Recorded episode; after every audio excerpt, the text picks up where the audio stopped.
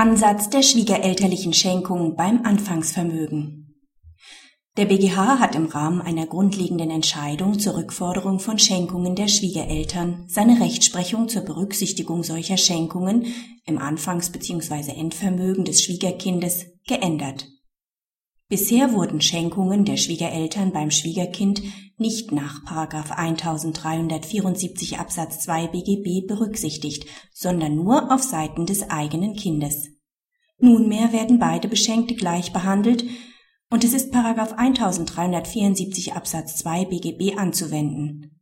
Auf der Passivseite ist beim Schwiegerkind der potenzielle Rückforderungsanspruch der Schwiegereltern zusätzlich einzustellen der BGH gibt im Rahmen seiner Rechtsprechungsänderung zur Rückforderung von Schwiegerelternzuwendungen auch die Rechtsprechung zum Ansatz solcher Zuwendungen im Zugewinn auf.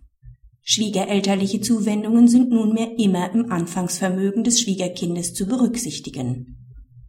Bei vorehelichen Schenkungen ist dies bereits deshalb der Fall, weil der Schenkungsgegenstand bei Eheschließung, also zum maßgeblichen Stichtag, bereits im Vermögen des Schwiegerkindes vorhanden ist. Aber auch wenn die Schenkung nach Eheschließung erfolgt ist, erhöht sie nach 1374 Absatz 2 BGB dessen Anfangsvermögen. Während auf der Grundlage der bisherigen Senatsrechtsprechung Zuwendungen der Schwiegereltern dem Anfangsvermögen hinzuzurechnen waren, können die nunmehr als Schenkung zu wertenden schwiegerelterlichen Zuwendungen auch dann unter 1374 Absatz 2 BGB subsumiert werden, wenn sie um der Ehe des eigenen Kindes willen erfolgt sind. Das Anfangsvermögen ist jedoch gleichzeitig mit dem potenziellen Rückforderungsanspruch der Schwiegereltern als Passivposition belastet. Gleiches gilt für das Endvermögen, da die Schenkung unter der Belastung erfolgte, sie im Fall des späteren Scheiterns der Ehe schuldrechtlich rückausgleichen zu müssen. Durch den Rückforderungsanspruch will der BGH die doppelte Inanspruchnahme des Beschenkten Rückforderung neben Zugewinnausgleich vermeiden. Dass die Höhe des Rückforderungsanspruchs jedenfalls zu dem für die Ermittlung des Anfangsvermögens maßgebenden Zeitpunkt noch nicht feststeht, also eine ungewisse Forderung ist, hindert nicht. Es bedarf einer Bewertung dieses Rückforderungsanspruchs erst, wenn die Ehe gescheitert ist. Dann steht aber auch fest, dass und in welcher Höhe die Rückforderung entstanden ist sodass sie mit diesem Wert in das Anfangsvermögen des beschenkten Schwiegerkindes eingestellt werden kann. Im Endvermögen ist der Rückforderungsanspruch ebenfalls bei den Passiva einzustellen.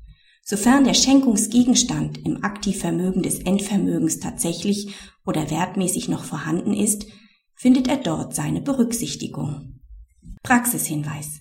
Bei der Bemessung des Rückforderungsanspruchs ist stets danach zu fragen, inwieweit die Geschäftsgrundlage entfallen ist.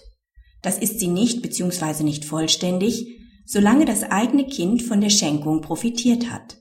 Ein 100%iger Rückausgleich dürfte daher eher die Ausnahme sein und sich auf Fälle kurzer Ehen beschränken. Problematisch erscheint, dass die geänderte Rechtsprechung nicht zur Streitbefriedung beiträgt, da die Schwiegereltern nunmehr gehalten sind, die Rückforderung gegen das Schwiegerkind auf gerichtlichem Wege zu verfolgen. Im aktiven Beratungsmandat ist der Anwalt daher gehalten, dem eigenen Mandanten zu empfehlen, dass Schenkungen, die er von seinen Eltern zu erwarten hat, ausdrücklich nur an ihn erfolgen. Außerdem stellt sich die Frage, was mit dem Rückforderungsanspruch passiert, wenn die Schwiegereltern bei Scheitern der Ehe verstorben sind. Zuständig für die Rückforderungsklage ist das Familiengericht, da es sich um eine Familienstreitsache im Sinne des Paragraphen 266 Absatz 1 Nummer 3 vom FG handelt